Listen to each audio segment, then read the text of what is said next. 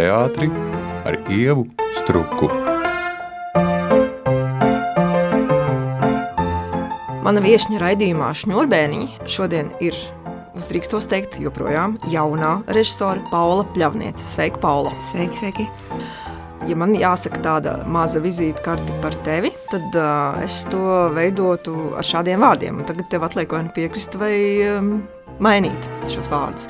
Proti, ka tu piederi tai jauno režisoru paudzei, bet varbūt vienkārši tu esi tāds cilvēks, kuru darbi ir zināmāki par tevi pašu. Un, ja saka tos nosaukumus, jubileja 98, Lūtišķi simtgade, vecmāmiņa valsts, Sidraba šķidrums, miega peles, vismaz tādā teātris mīļotāja auditorijā, noteikti gan cilvēki ir redzējuši, gan dzirdējuši, bet uh, tu kā pati esi palikusi mazliet malā vai sānis. Vai tā ir tāda apzināta pieeja, ka tu necenties veidot tādu skaļu publicitāti un ļauj runāt darbiem?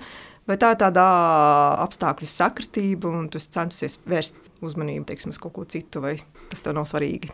Es patiesībā par to tā neesmu domājis. Nu, kaut kāds tāds tēls vai kaut kas būtu jāveido. Es daru to lietu, kas man ļoti patīk. Un kaut kā runāju par tām lietām, kuras man dzīvojot, kā jau tu minēji, šīs paudzes cilvēkam šajā laikā ir svarīgas. Un pēc vienas seko nākamā, un ir kaut kāda jauna interese un kaut kāda jauna lieta, ko gribās risināt. Es pat varētu teikt, ka tajās starpās nesenāk laika par to padomāt, jo tu kaut kā esi tik nu, pārņemts, bet tādā labā šī vārda konotācijā ar to, ko tu dari un par ko tu tajā brīdī dedz un esi aizņemts, ka par tādām lietām nesenāk pat padomāt. Bet, mm, bet kopumā jā, es to laikam uztveru kā komplimentu pat vairāk. Jo man vienmēr ir patikuši cilvēki, par kuriem runā viņu darbi, un tāpēc man tas liekas kaut kā manā pasaules izpratnē pat varbūt pareizi. Es to arī biju iecerējis kā komplimentu. Vispār, kā mēs gan varētu citādāk to uztvert, bet vienlaikus nu, publika ir arī pietiekami viegli vadāma, un viņai patīk iet uz tiem atpazīstamiem vārdiem un labi zināmiem. Un, un tad teātris mārketinga daļa jau ir arī spiesta rūpēties par to publisko tēlu. Tādēļ man prieks, ka tu nejūti to kā diskomfortu, bet uh, es ceru, ka šis raidījums, šņurbēniņa, ko klausās, tomēr ļoti skaista auditorijas daļa visādās nozīmēs, ka tā arī uh, kalpos tai publicitātes uh, veidošanai. Es gan gribētu piebilst, ka noteikti tur ir stāsts arī par tām auditorijām. Nu, es pārsvarā tomēr darbojos lielākā vairākumā tajā nevalstiskajā sfērā. Un ir tas ir vajadzīgs, un tas ir pat forši, ka tas notiek, nu, ka kaut kā pavērt tās uh, durvis un sapludināt to auditoriju. Ar to gribēju uzsvērt, ka tajā nevalstiskajā sfērā droši vien ir mazliet citādāks tas stāsts. Un, es esmu daudz pamanījusi tos skatītājus, tās pašas sejas, kas ir dažādās kultūras iestādēs, absolūti dažādos pasākumos, gan uz pieaugušo, gan bērnu, gan jauniešu lietām. Un, kā, paldies viņiem! Man liekas, ka tad, kad uh, gan režijas, gan aktieru meistarības un aktieru mākslas studenti beidz studijas, nu, tā centra tieca Rīga ir ārkārtīgi spēcīgs faktors. Un es nenoliekšu, es ļoti augstu novērtēju Daugopils teātra repertuārā regulāri redzamo tavu vārdu, jo man liekas, šī ir ļoti profesionāla pieeja dzīvē. Ja tu gribi savā profesijā sasniegt, tu nevari cīnīties tikai un vienīgi par Rīgas skatuvi. Tev ir uh, jātrenē tie muskuļi un jāstrādā, un tas ir brīnišķīgi, ka jauni latviešu uh, jaunieši dodas nu, misijā, jā, bet eh, vienlaikus arī savā profesionālā izaugsmas ceļā uz Daugopilu un strādā tur un strādā ar interesantām un tur nebijušām tēmām. Man tas likās jau pirms uh, vairākiem gadiem ļoti būtiski un, un arī, piemēram, nezinu, gan jubileja 98, tev atnes arī tādus profesionālos panākumus, bet kā tas bija tādam jaunam bērnam ierasties uh, Daugopils teātrī un būt par režisoru, nevis par aktrisi?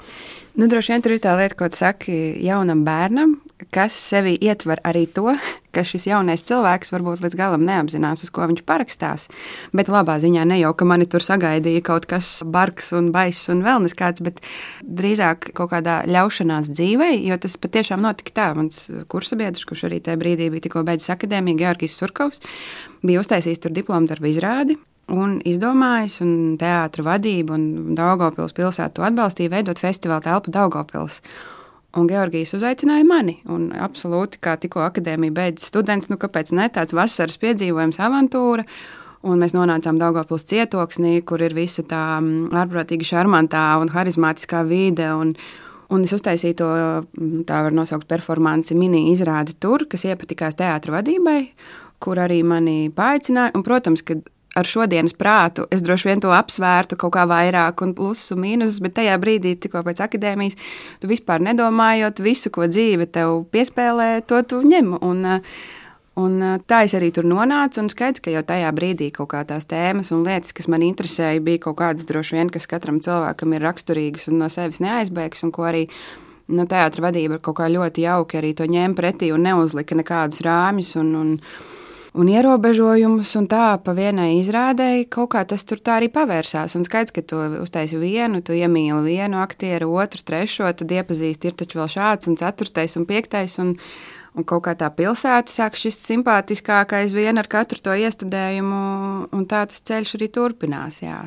Nu, es domāju, ka tādā teātrī nozīmē jau tas šarms, eh, Daugoplī pilnīgi noteikti ir. Mm. Un, un arī manām jaunības atmiņām pieder pirmais Homo Novas festivāls un naktis. Un, Es domāju, tur leģendas ir gan pilsētas pusē, gan visu manas paudzes teātrāļu pusē, un, un to, to nevar aizmirst. Tā kā es domāju, ka tāda došanās ārpus centra ir brīnišķīga un ļoti vajadzīga lieta. Bet, protams, Daugoplī ir savs konteksts, auditorijas un Šādā sakrā, pirms mēs pārējām pie tā darba, pie kā tagad strādā, es gribu vēl jautāt, nu, ja tev akurāt pēc nedēļas būtu jādodas tur strādāt, zinot visus apstākļus. Kas būtu tā tēma, par kuru tu gribētu runāt, un kuru tu saredzētu kā tādu uzdevumu, kas prasa arī zināmu drosmi runāt? Bet kā runāt tik sarežģītos apstākļos, kuros mēs dzīvojam, pulveram ucis, un kas būtu tas auglīgākais ceļš bez, teiksim, tiešas provokācijas, bet mākslas valodā?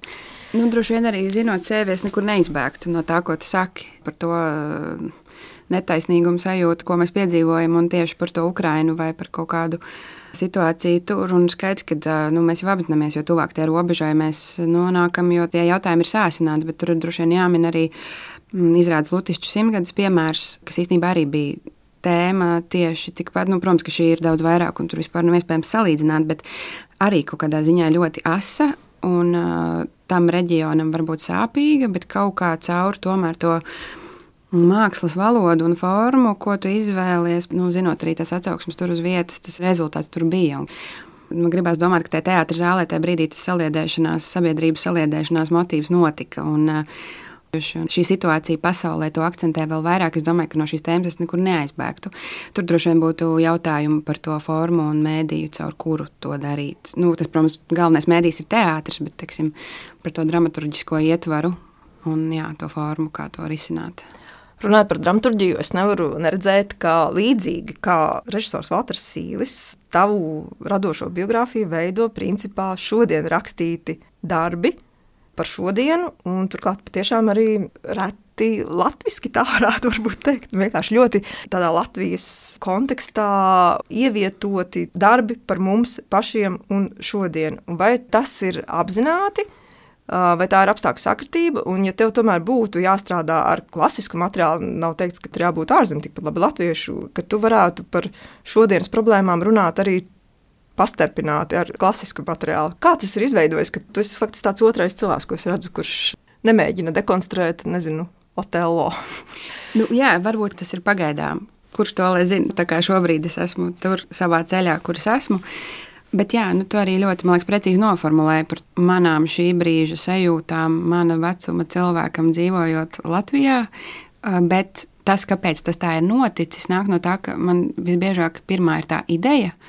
Pat nevis varbūt dramaturgiskais materiāls, bet kaut kāda ideja. Un skaidrs, ka to ideju bieži vien ir vieglāk salāgot par to runājot ar kādu saka, dzīvu dramaturgu, domu biedru, varbūt vienaudzi, kas ir šeit, un tā ideja, kuras iedīglis tevī ir, viņa tā lēnām pa klucītim veidojās, un tā arī tas materiāls uzrakstās. Mm, vēl to ceļu es neesmu gājusi, kur ir tā ideja, un tad uh, šķirstot uh, tūkstošiem lapas pušu nonāk līdz tam materiālam, bet kas to lai zina, bet to gan es varu teikt, jā, man ir, protams, tā mīlestība pret oriģinālu dramaturģiju, tā ir kaut kāda mana lieta, un man kaut kādā ziņā ļoti patīk tas process, un viņš ir grūts, un es bieži vien strādāju ar oriģinālu dramaturģiju, domāju, Un vēl šis tagad ir jāizdara. Būtu paņēmis kaut kādu gatavu logu, kas ir skaidrs, ka viņi jau gadu desmitiem strādā pati par sevi. Jo nu, tas materiāls top no nulles un svaigs un jauns, un skaidrs, ka viņš jau nav pārbaudīts. Mēs esam tie, kas viņu pārbauda, un nu, es nezinu, cik entās stundas ir pavadītas, mainot tās lapas puses vietām, kaut ko dzēšot, nu, kas droši vien paņemot kaut kādu lugu, kas jau ir sevi kā, pieteikusi, labu esam un, un kā, sabiedrības apstiprināta, kā strādājoša dramaturģija, tur varbūt kaut kādā ziņā tas viss paliek. Bet, tajā ir kaut kas tāds ļoti izaicinošs, labā ziņā izaicinošs un kaut kas ļoti simpātisks. Un, un, protams, pēc tam tad, kad šis materiāls, kas ir tapis no kaut kādas idejas, kur mēs nezinu, ar Justīnu Kļavu vai Klau Mēlē esam stundām sēdējuši un domājuši, un, un tad, kad tos materiālus tulko, kā ar jubilejas gadījumā vai Marijas un Zibens gadījumā, un viņi nonāk ārpus Latvijas, tas gandarījums jau ir vēl lielāks, jo tu zini, ka tas materiāls ir tapis no tās idejas, ka tas nav bijis, ka man kāds to materiālu ir atsūtījis, izlasīts, un vai es viņu gribu iestudēt, bet ka nē, ka ka mēs esam divi tā apsēdušies un tagad domājam, nu tā, kas tur varētu būt, kāds varētu būt tas. Nu, tā stāsta līnija, kādi tur darbojošās. Nu, mm. nu, skaidrs, ka tajā brīdī liekas, ka tas ir kaut kas. Bet šādos gadījumos, kad strādā kopā ar uh, dramaturgu, vai tā būtu Justīna Kļava vai Klausmēlis, vai vēl kāda trešā persona, cik lielā mērā tu esi tā literārā teksta līdzautors. Kā vispār var sadalīt tālāk tos nopelnus? Tā. nu, jebkurā gadījumā es domāju, ka autors ir dramaturgs. Jautājums par idejām. Teiksim, arī jubilejā par 90. es negribu, protams, samaloties, bet tajā brīdī lasījusi arī kaut kādas burbuļus vai kaut kādas mm, bukletes un ieraudzījusi vecu Latvijas mobilā telefona reklāmu. Tad pēkšņi ir tā sajūta, ka tiem ir jābūt tiem 90. un tā estētikai. Bet, uh, Tāpēc es neteikšu, ka tur vajag rakstīt to manu vārdu, jo es tomēr uzskatu, ka tā jau ir tā virtuozitāte tam dramaturgam uzrakstīt šo ģeniālo ideju vai atkal ļoti trūcīgo ideju tā, lai tas to aktieru mutēs taptu dzīves. Un tā jau ir tā dramaturgu. Tiešām jā, virtuozitāte. Un tādā ziņā es tur nu, nepiestādu nekādas savas pretenzijas vai pilnvaras uz kaut ko. Un, un man tas liekas arī tas foršākais, jo nu, tas veids, kā es strādāju, un kā parasti šādi materiāli top, tas ir tāds komandas darbs, un tur kaut kāds arī ir tas skaistums, kas vēl apliecinās tajā teātrī.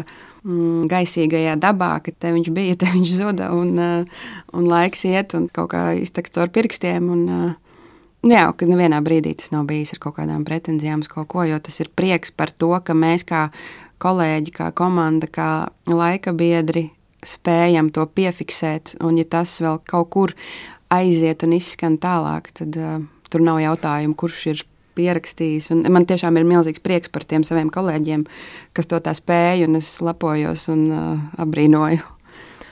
Tā kā es strādāju teātrī, tur laika pa laikam tomēr ir nāks sastapties ar situāciju, kad ir telpa, ir aktieri, ir režisors, bet nav idejas. Un klausoties tevī, man liekas, ka tās idejas tur vienkārši urd galvā lielā skaitā. Mans jautājums ir tāds, vai tavu ideju skaits ir lielāks par tavām iespējām tās piepildīt? Dažreiz šķiet, ka jā. Un dažreiz atkal tuvojās konkurss un ir jāraksta projekts, un pēkšņi tu vairs nevienu no viņām nevari satvert. Nu, tas ir tas, ko es teicu, ka tas kaut kā viss ir tik gaistoši. Un, ej pa ielu, tev ienāk prātā, tu jau principā redzi, jau kādas tur varētu būt ainas un kā to visu kombinēt. Un paiet divas nedēļas, kaut kā situācija mainās, tu mainies un, un tā pārliecība par to kā, mazinās. Bet nu, es esmu no tiem cilvēkiem, kam arī apstākļi ļoti motivē, ka vienkārši laiks rit, dzīve rit, un tas ir vajadzīgs, un tas ir jādara. Es neticu tai mūzei un kaut kādai iedvesmai, es ticu darbam. un, ja tas notiek, tad arī tās idejas notiek tad, respektīvi, tevi nešausmina fakts, ka tev jāparedz, kas tev varētu būt interesanti pēc gada vai diviem. Jo it sevišķi jau lielo teātrus mehānismu plānošana notiek uh, stingri vien uz priekšu. Un, un tas dažkārt ir, protams, ļoti traucējoši, ka tu īsti nevari nomainīt, uh, jo tas ir saistīts ar tik daudz cilvēkiem, ka vienkāršāk ir riskēt un uh, veidot ideju, kas varbūt jau pa to laiku ir uh, iestāvējusies, teiksim tā, nekā visu mainīt. Vai tu domā, kas būs pēc pieciem gadiem tavā radošajā dzīvē? tas jau ir tas bonus tai oriģināla dramaturgijai vai kaut kādai tai materiāla adaptācijai un pielāgošanai, esot kopā komandā kur ir kaut kāda cilvēku grupa, kas kaut kādā mērā droši vien domā līdzīgi, ka tev ir tā iespēja. Jo skaidrs, ka visi mēs mainamies, arī mainīt to materiālu, laikam ejot. Un tā varbūt ir tā nevalstisko teātru, ja projektu teātru tā lieta, ka mēs spējam ļoti ātri nu, reaģēt. Tas, kas mūs notur rāmī, ir kultūra kapitāla konkurss visbiežāk. Es pieņemu, ka radioklausītāji nebija aizdomājušies, ka kultūra kapitāls pilda arī šādu svētu funkciju. Jā. Viņš organizē mūsu dzīves. Tā patiešām ir. Un esot tādā mazā organizācijā kā Quadrifrons, tu par to nākamo sezonu un nogriezni pa mēnešiem domā tādos kontekstos. Un, un tad ir prieks vai tad ir vilšanās, bet tā tas notiek. Šņurbēniņos kopā ar teātras zinātnieci Ievu Struku. Es sarunājos ar režisoru Paulu Pļaunieci. Bet runāt par politiku, vēsture no tā galīgi nav pasargāta. Un tāpēc es domāju, ka ir īstais brīdis pieminēt uh, darbu, pie kura tu strādā pašlaik. Ar nosaukumu nebiju, nezinu, neatceros. Man liekas, nosaukums ir jau zelta vērts, bet bez nekādiem jokiem. Tas, kas slēpjas aiz šiem vārdiem, ir uh, tiesas prāva, un runa ir par Viktoru Arāju, par aktīvu vācu laikā dzīvojošu militāru personu kurš lielā mērā bija līdzdalīgs ebreju masveida nogalināšanā. Kā top šāda veida iecerība? tā netaisnības sajūta un tā sajūta par to, ka kaut kas nedarbojas šai pasaulē tā, kā tam būtu jādarbojas, bija tik spēcīga, ka no tā patiesībā arī nāca tā sajūta, kas ir taisnīgums. Un kā šis morālais taisnīgums, kas šķietami visiem kaut kā morālais kompass, tomēr saka vienu un to pašu, kā tie pārējie kaut kādi taisnīgumi, kā piemēram tiesiskais taisnīgums, kā tas nespēja kaut kā nolīmeņoties vienā līmenī ar to morālo taisnīgumu, un kā viņš kā neparādās tajā reālajā dzīvē. Bet, nu jā, tas nāca no tās sajūtas, piedzīvojot to, ko mēs visi pagājušo gadu piedzīvojām vai Ukraiņas notikumi parauja vaļā vēl jaunu skatu punktu uz to, kas ir noticis Latvijas teritorijā. Drīzāk es teiktu tā, ka Ukraiņas notikumi parauja vaļā šāda veida notikumus vai tāda ļaunuma eksistences, pēc tam izvērtēšanu un to, ko mēs ar to darām. Jo kaut kā gribās teikt, ka mēs noteikti nekā nepārvērtējam tā laika nu, tātad otrā pasaules kara notikums. Jo mēs neesam vēsturnieki, eh, mēs esam eh, teātris mākslinieki. Nu, mūsu kontekstā mēs mazāk domājam par Otro pasaules karu kā par reālu karu un nesalīdzinām tā laika notikumus tādā tiešā veidā ar to, ko mēs piedzīvojam šeit. Vairāk ar to noziegumu un sodu patiesībā pat tā jāsaka. Izrāda to Teātris apvienībā Quadrifrons.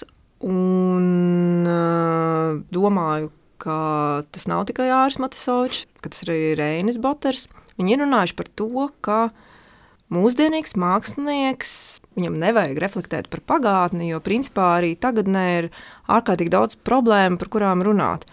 Kaut kādā ziņā es varu tam piekrist. Kā mēs nevaram visu savu uzmanību veltīt uh, tikai un vienīgi pagātnes notikumiem, jo tiešām ir uh, visu laiku situācijas, kuras atkārtojas un varbūt ir auglīgāk un drosmīgāk runāt par šodienu, jo tā distance laika kaut ko padara maigāku, vai varbūt eh, ļauj mums kaut ko nepateikt līdz galam. Un vienlaikus arī šī izrāde neizbēgami ir par vēsturi un par vēsturisku personu. Man interesē vēsture, man interesē arī šī izrāde, bet es esmu mazliet pārsteigta, ka jauni cilvēki kādā vienā kontekstā saka, mums ir jārunā par šodienu, mums ir jāskatās nākotnē. Vienlaikus viņi saka, hmm, ir pienācis brīdis runāt par uh, Viktoru Arāju. Tur nav pretrunu. Ja... Jā, es tiešām nezinu, ko Reinis Nāras ir pastāstījis. Bet uh, nu, jāapzinās, ka mēs jau neesam kā arī sabiedrība radušies tukšā vietā. Tāpat kā katru individu var analizēt pēc viņa piedzīvojumiem, un, un pēc tā, kas ir pārmantojies, un pēc ģimenes visādiem uzslāņojumiem un tam līdzīgi. Tāpat arī sabiedrība it īpaši kaut kādas tiesiskās normas vai kaut kādi pieņēmumi mūsu galvās, tas tomēr veidojās kā tādi uzslāņojumi no kaut kā. Mēs ieraugam kaut ko, to mēs paņemam līdzi un to mēs projicējam tālāk. Un tur jau varbūt ir tā nu, kā lai saka, sāpīgā vieta, ka tu paskaties uz to sabiedrību, kas tiesā tādu ļaunumu.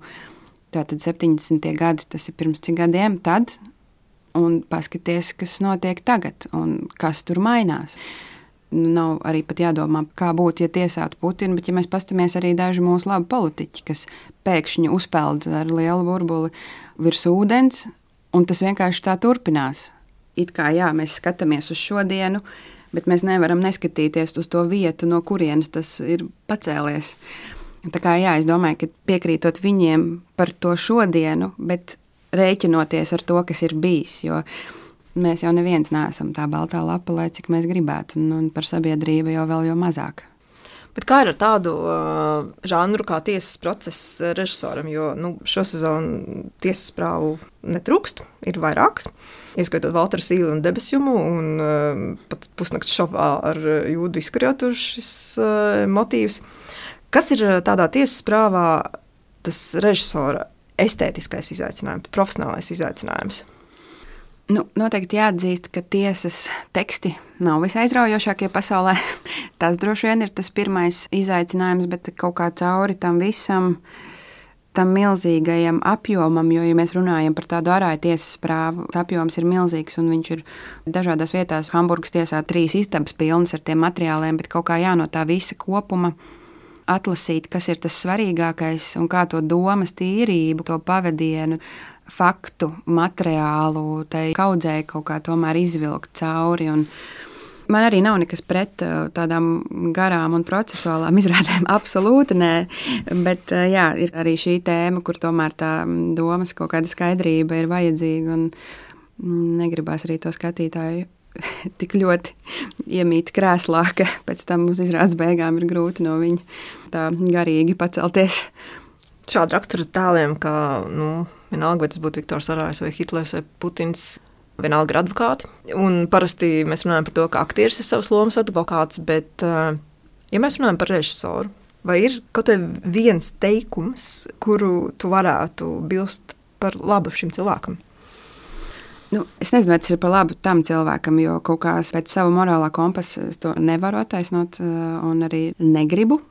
Bet uh, par Latvijas sabiedrību tajā laikā kopumā skaidrs, ka tās varu maiņas un tie režīmi nu, to cilvēku spēja kaut kā tik ļoti samīt un kaut ko izdarīt eh, viņa galvā. Eh, bet es absolūti viņu bez jautājumiem vispār neattaisnoju. Es tiešām varu teikt par to sabiedrību, nu, ka tas, kas tajā brīdī ir jāizdzīvo, tas bija kaut kas neiespējams kaut kādā ziņā.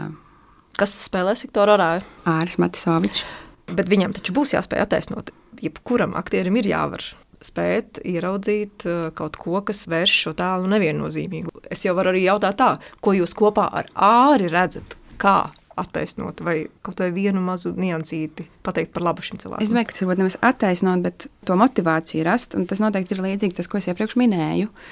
Ka tā situācija, kas notiek tādā politiskā ziņā, un baigais gads, kas ir bijis pirms tam, un tās šausmas, kas ir jāpiedzīvo, ka tev nāk pretī viens, kurš saka, ka viss būs skaisti, mēs dzīvosim turpmāk labi. Un, nu, skaidrs, kam tu pieslienies, bet arī, protams, ka tur jārunā par to ārēju personību kā tādu. Es arī atzīšu, kā jau minēju, mm. viens no mums nav vēsturnieks, bet nu, tur noteikti ir kaut kāds arī oportunists raksturs, kurš katrā kaut kādā uh, režīmā un varā, kur viens cilvēks cieš, otrs cilvēks, kā Žanis Lipke, saprot, kā viņš iestāsies pret to netaisnību vai tiem likumiem. Un kā Lipkas muzejā mums ļoti jauki teica par nepaklausīgajiem cilvēki, kas ierauga to likumu un kaut kādus tos noteikumus, ko te uzstāda, bet tu viņu nepieņem kā labu esam, tu nepaklausi tam, un no tā radās tik cēlas personības, kā teiksim, Žanis Lipke, kurš vispār kā personība ir bijis šis nepaklausīgais, bet tajā brīdī no tā piedzimst un izaug kaut kas tāds, kas ir izglābis tik daudz cilvēku. Un, un, un tad ir tādi cilvēki, jā, kas ir absolūti oportunisti, kas skaidrs, ka ir tas Mm,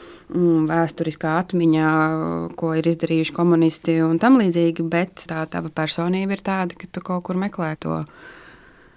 Arī to iespēju, kurā tad kaut kādas tavas īpašības var plaukt un zelt, un kurā tev uzsit pa plecu, un kurā tu ar smuki pieglaustiem matiem, tīrā formā. Varbūt skarbi, bet uh, ja manai paudzei liekas, nav tāda ilūzija par vēstures griežiem, kuri varētu nākt pāri Latvijai un uh, provocēt mūs visus un pārbaudīt, vai mūsos ir tā cilvēcība, vai tava paudze savukārt ir šie ideālisti un domā, ka atkārtojoties vēsturei, cēluma mūsos būtu vairāk, jo vēsture mums kaut ko ir mācījusi, vai tomēr jums nav to ilūziju vienkārši gribas, lai būtu, bet nav. Nu, vispār jāsaka, mums bija ļoti interesants sarunas mēģinājuma laikā. Un skaidrs, ka ir tā daļa, kas domā, ka tur jau ir tā lieta, vispār, kāpēc ir māksla pasaulē, kāpēc ir literatūra, ka tam cilvēkam nav jābūt garīgi slimam, lai apstākļu sakritības dēļ kaut kā tas ļaunums, lietojot šo anglicismu, iztrigerētu no tevis. Bet ir cilvēki, nu, arī mūsu vidū, kas domā, ka ejot laikam, mēs kā sabiedrība esam auguši un mēs to nepieļausim. Un tā tas vairs nenotiks. Un man jau, protams, arī gribās tā domāt man tiešām gribās tā domāt, bet tad man kaut kur pakausī runā mazais tas cilvēciņš, kurš saka, atceries, ka mēs dzīvojam burbulī. kaut kādā līdzīgu vērtību, līdzīgi domājošu cilvēku burbulī. Kā tas būs, kas to lai zina, bet tas, ko tu saki, tā skaistā doma par to, ka tā nenotikt un mēs to nepieļautu, viņi ir. Nu, principā jau ļoti labi. Jo nu, jā, jā. Savā, nu, tieši tā, savādāk jā. nav iespējams ar to sadzīvot vairāk. Tas, ka izrāda tiks spēlēta cirkā, ārā ir tiesas prāva, tiesas prāva par tādiem noziegumiem un cirka ēkā. Vai tu par to kādā brīdī domā, veidojot izrādību? Mēs par to domājām. Mums ļoti žēl, ka tas tā ir. Nu, ka cilvēki mm. to kaut kā veido šo jēdzienisko saiti, bet mēs noteikti gribam pateikt, ka mēs to absolūti nekādā veidā neveidojam. Ja mums būtu tās iespējas un apzinoties, ka cilvēkiem tas rada nērtību, mēs to darītu kaut kur citur, bet tas ir tā, kā tas ir. Vai nu mēs to darām tur vai nekur. Tā ļoti godīgi runājot kaut kā mums gribās, kā arī kā kvadrifronam, akcentēt to, ka mums jau ar to nav tās saistības. Tā vienkārši ir mūsu telpa. Arī tāpat Rīgas cirks, viņa funkcija arī pašā pilsētā un Latvijā mainās. Un kaut kā tomēr mēģinam pa visiem kopā pieņemt to un, un mēģinam kaut kā abstrahēties no tā kā izpaužas dzinieka Kāļa Vērdiņa iesaiste šajā izrādes tapšanas procesā, kā dramaturgam, ņemot vērā, ka viņš tomēr nav dramaturgs, bet eh, pārzina šo materiālu, acīm redzot. Nu, kā mēs nonācām līdz Kārlim, mums bija tā milzīgā Kārļa Štāmera grāmata, un uh, man uzvārds brāļa, kas nav mans redinieks, pļaunieka grāmata, un, Un mēs sapratām, ka mums vajag kādu, kas to saliek kopā un kaut kā palīdz izvest to domu. Mēs arī par to domājam kā par tādu mazliet procesuālu darbu, kurā skaidrs ir kaut kāds ritms un kaut kas tāds. Un, Un kaut kā mums tas pavadiens aizgāja caur to ritmu un to ilgstamību, tomēr tajā dzējas virzienā. Bet man jāpiezīmē, ka izrādē dzējas kā tādas nebūs. Žēl! Jā, varbūt kaut kas pamainīsies, to mēs vēl nezinām, mēs vēl esam tajā procesā. Bet jā, no tā radās tā doma piesaistīt Kārli un ka viņš būrās tam visam cauri un vairāk tā intuitīvāk pieiet kaut kādām lietām, kā kombinēt ainas kas jūt kaut kādu to trauslāko sajūtu tam visam cauri un kaut kādu to ritmu un to kompozīcijas lietu. Tur ir tas simpātiskais, kāpēc varbūt dzēnieks, bet, bet arī kāpēc ne. Un pašu pēdējo jautājumu es atļaušos tavā vietā pateikt, ka nākamā sezona tu esi uzaicināts uz Nacionālo teātru strādāt un iestudēt izrādi garderobisti. Un, lūk, garderobisti un šņurbēniņi. Tas jau ir kā brālēns ar māsīcu, apmēram. Un eh, stāsta tātad tiešām par to, kas tad notiek garderobē, kas ir vesela sava specifiska pasaule. Un, jā, man liekas, ka līdz tiem šņurbēniņiem tur ir viens solis. Tādēļ es nevaru noturēties un tev nepajautāt, vai šīs izrādes tapšanas laikā tu esi apsvērusi iespēju piemēram, nezinu, nakšņot garderobē vai nakšņot šņobērniņos un sajust, kas tad notiek naktīs teātrī. Nu, es par to tā konkrēti neesmu domājis, bet man bija nu, par nakšņošanu tieši. Bet man bija sajūta, ka varētu uh, iefiltrēties uz kaut kādu izrādi. Vismaz, jo, jāsaka, varbūt no tās puses, ka ļoti daudzi mākslinieki, kas strādā teātrī, ir sākuši patiesībā garderobē. Un kaut kādā ziņā arī no turienes tā ideja. Un tie stāsti, ko es esmu dzirdējusi, ir vienkārši fantastiskākie vispār pasaulē. Mīļie skatītāji, jūs pat nevarat iztēloties, kas notiek tajā brīdī, kad jums ir kaut kāda izrāde, kas jums varbūt tā mazāk tīk, bet ka tajā brīdī garderobē notiek visi īstā izrāde. Un, Un tad es, protams, apzinos arī, kā iefiltrētam cilvēkam varbūt kaut kas tiktu noslēpts no manis, kas tur patiesībā notiek, kamēr uh, skatītāji bauda izrādi. Bet uh, man tāda doma bija jā, kaut kā iefiltrēties garderobē un pavērot notikumus. Par nakšņošanu vēl neesmu domājis, bet tagad es tā sāku pārdomāt šo jautājumu. Es tev ierosinu, kā uz šīs nots mēs arī Jā. varam beigt. Paula, paldies, ka tu atnāci uz šņurbēniņiem, un lai tev izdodas gan iefiltrēties, gan arī pavisam nopietni izveidot izrādi nebiju, nezinu, neatceros par Viktoru Arāju. Paldies! Jūs klausījāties raidījumu šņurbēniņu. Mana saruna viesņa bija režisore Paula Pļavniece. Par teātri ar Ievu Struku.